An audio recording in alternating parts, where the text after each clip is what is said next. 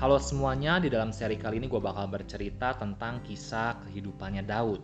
Nah, kenapa gue tertarik ngebahas kisahnya si Daud ini? Ada empat alasan. Yang pertama, gue tanpa sengaja nemuin fakta yang menarik.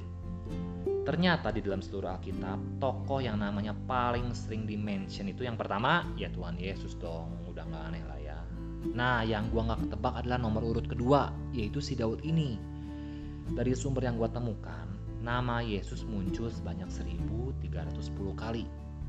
Di urutan kedua, nama Daud muncul sebanyak 974 kali. Artinya apa?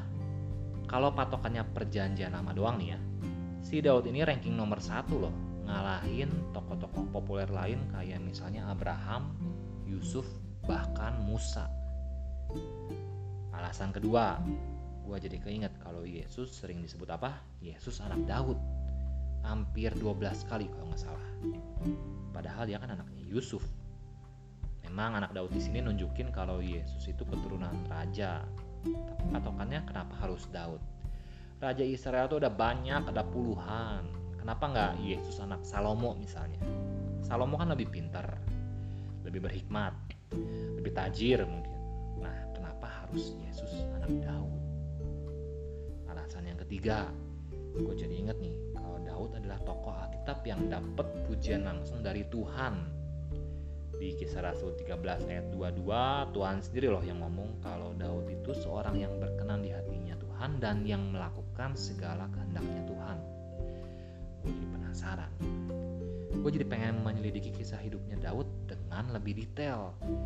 Karena gue nih, dan mungkin orang-orang lain umumnya waktu denger kisah Daud itu yang keinget apa sih? Waktu Daud ngebunuh Goliat dan selingkuh sama Bathsheba. Awas loh, jangan sampai ketukar.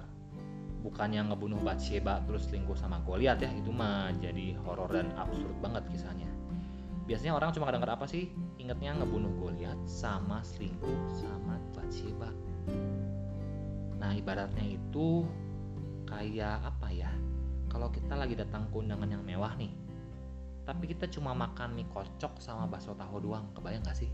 Kan sayang banget kisah hidupnya Daud ini panjang banget tapi yang orang-orang inget dan tahu cuman peristiwa dia ngebunuh Goliat dan selingkuh sama Bathsheba. Sayang banget sebenarnya. Alasan keempat kenapa gue mau bahas kisahnya Daud adalah gini. Gue percaya banget pengarang utama atau penulis utamanya Alkitab itu Tuhan sendiri lewat tangan-tangan manusia. Nah, jadi berarti bisa dibilang biografinya Daud ini Tuhan yang nulis Kebayang ya, ditulis dari sudut pandangnya Tuhan. Nah, kalau ada buku biografi nih, sosok terkenal, ditulis oleh penulis yang ternama, gue pingin baca. Nah, ini apalagi? Yang ditulisnya itu tokoh populer banget, si Raja Daud. Dan yang nulisnya adalah Allah sendiri. Waduh, gue jujur makin penasaran nih. Dan gue yakin bakal banyak prinsip-prinsip penting yang bisa gue pelajari lewat kehidupannya Daud bisa gue aplikasiin di dalam hidup gue dan satu hal yang gue yakin adalah uh, bedanya kita ngebaca biografi yang ada di dalam Alkitab dengan biografi-biografi lainnya. Misalnya baca biografi siapa ya yang terkenal? Nelson Mandela atau mungkin Steve Jobs lah katakanlah. Bedanya apa sih emangnya? Nah kalau kita baca biografinya Nelson Mandela atau Steve Jobs kita bisa semakin mengenal mereka ya. Mengenal Om Nelson sama mengenal Om Steve Jobs dan belajar dari kehidupan mereka. Dan mentok di situ doang. Sedangkan kalau gue baca biografinya Daud di Alkitab gue selain gue bisa mengenal Daud semakin dalam gue bisa semakin mengenal sosok penulisnya yaitu Tuhan sendiri. Kebayang ya bedanya ya? Karena memang untuk itulah Alkitab ditulis cuy. It's not about the people, it's all about him. Gue percaya banget Alkitab ditulis bukan cuma bikin hidup kita supaya semakin bermoral, semakin sukses atau semakin berhasil, tapi tujuan utamanya itu buat supaya kita bisa semakin mengenal Tuhan dan semakin pengen nyembah Tuhan. That's the ultimate goal. Nah, seri Daud ini gue bakal bikin jadi 5 season.